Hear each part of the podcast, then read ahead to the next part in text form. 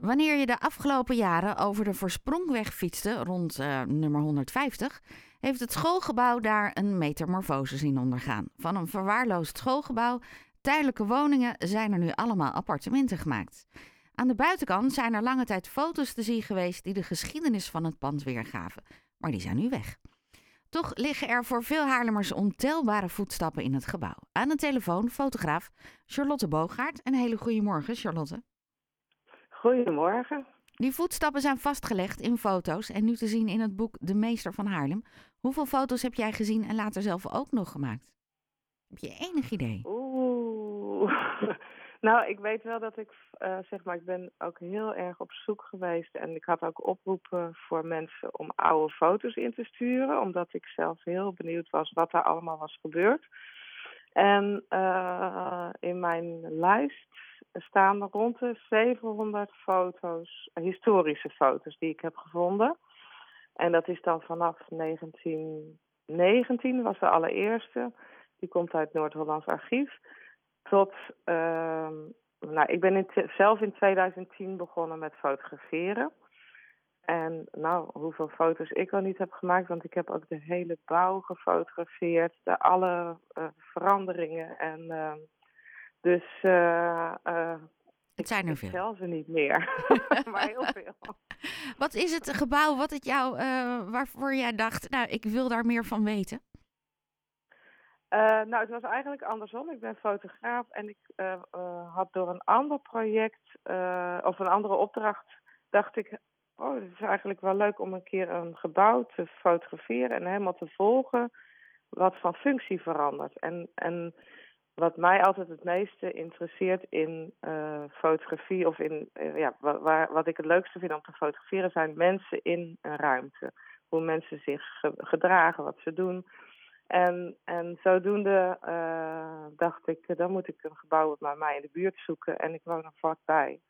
En, en toen, toen ik dus dat idee kreeg, toen zat de school er nog in. Maar ik wist dat het verkocht was en dat het dus zou gaan veranderen. Dus zo, zo ben ik ertoe gekomen. En toen kwam ik bij een afscheid van het gebouw. Dat hadden ze georganiseerd, het Sterrencollege destijds. kwam ik heel veel oud-leraren tegen. En, leerlingen bedoel ik.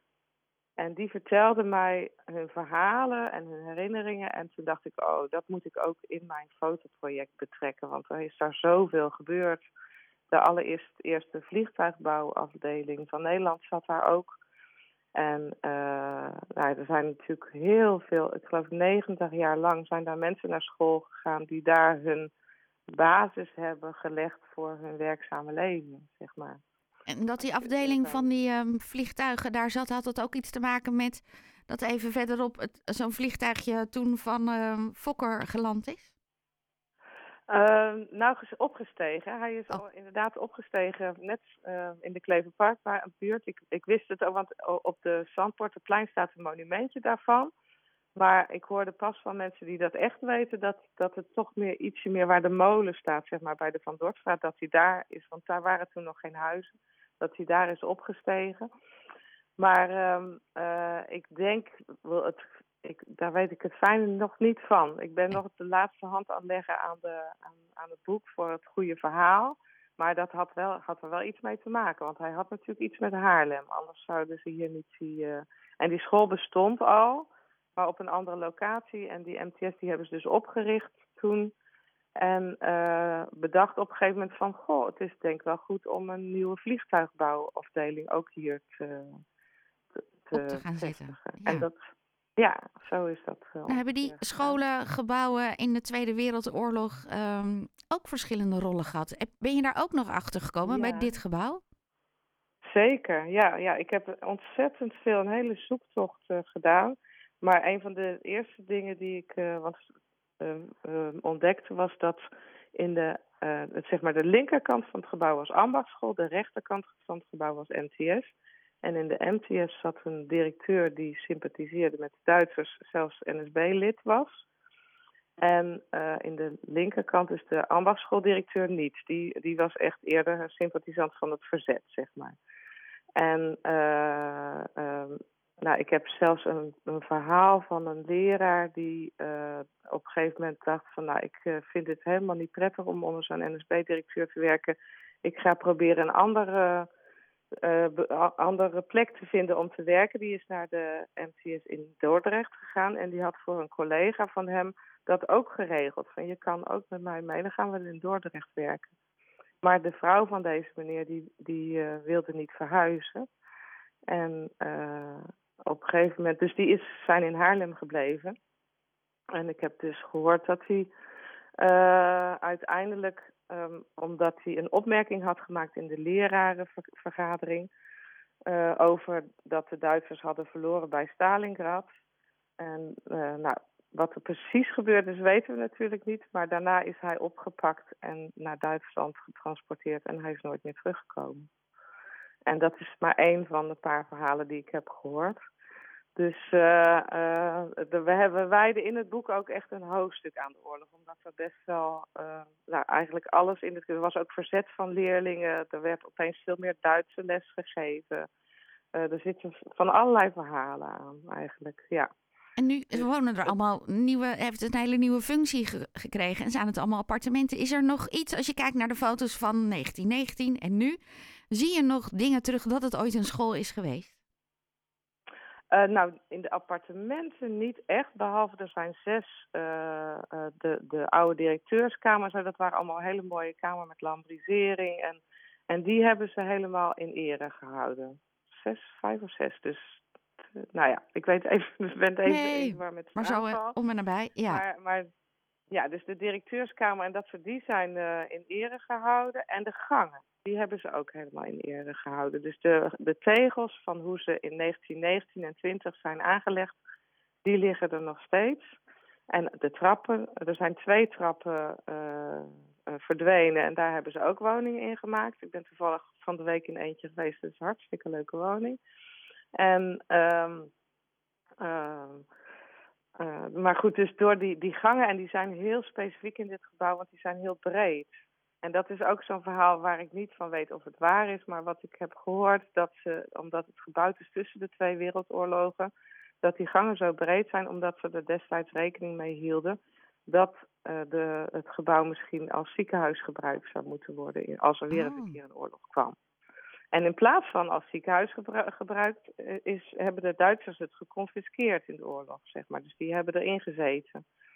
En het Nederlandse leger eerst nog, voordat de Duitsers invielen. Dus in die, die zin heeft het wel ook nou ja, iets van een functie gehad. Ja, het is een, een ja. gebouw met een verhaal. Uh, waarom was het ook belangrijk voor jou dat het in een boek uitkwam? Uh, nou ja, ik ben fotograaf en ik vind, ik vind beeld en herinneringen van mensen. Uh, ja, ik, dat, je moet af en toe. Het, het is niet een boek waar, wat je van A tot Z moet lezen, want het is vooral een fotoboek.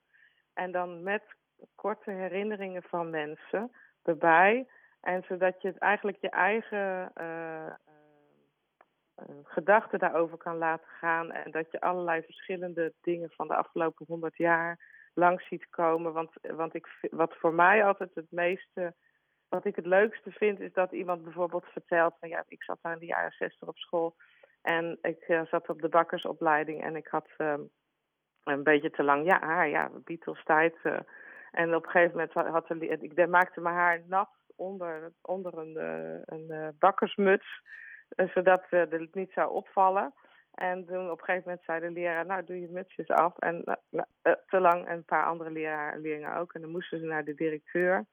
En in plaats, of die directeur die zei, jullie mogen niet meer op school komen tot je naar de kapper bent geweest.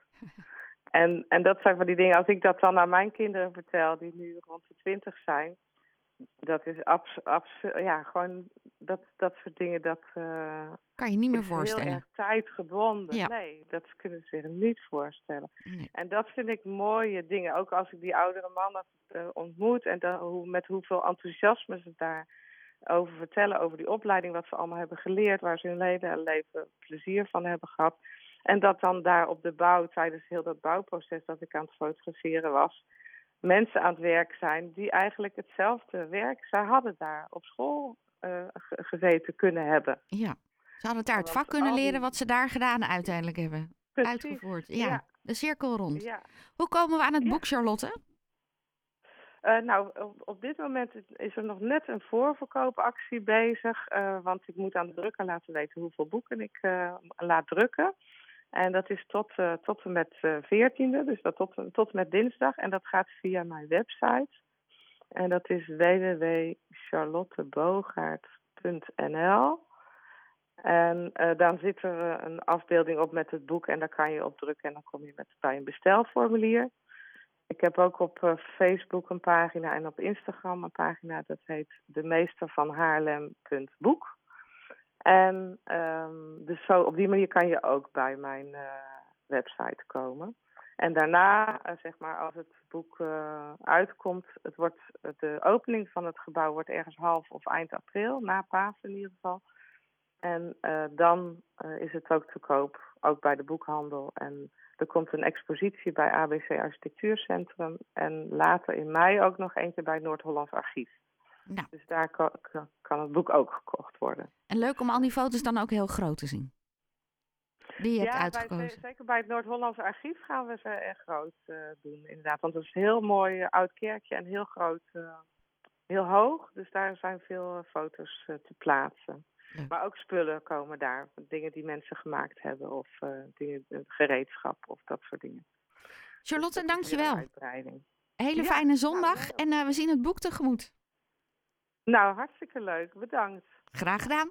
Dag. Dag, Jorde, Charlotte, ze is fotograaf en zij heeft het boek gemaakt De Meester van Haarlem. Het is te bestellen via haar website. Als je het eh, tot en met 14 februari bestelt, eh, dan betaal je 39,95 en daarna wordt het 45 euro.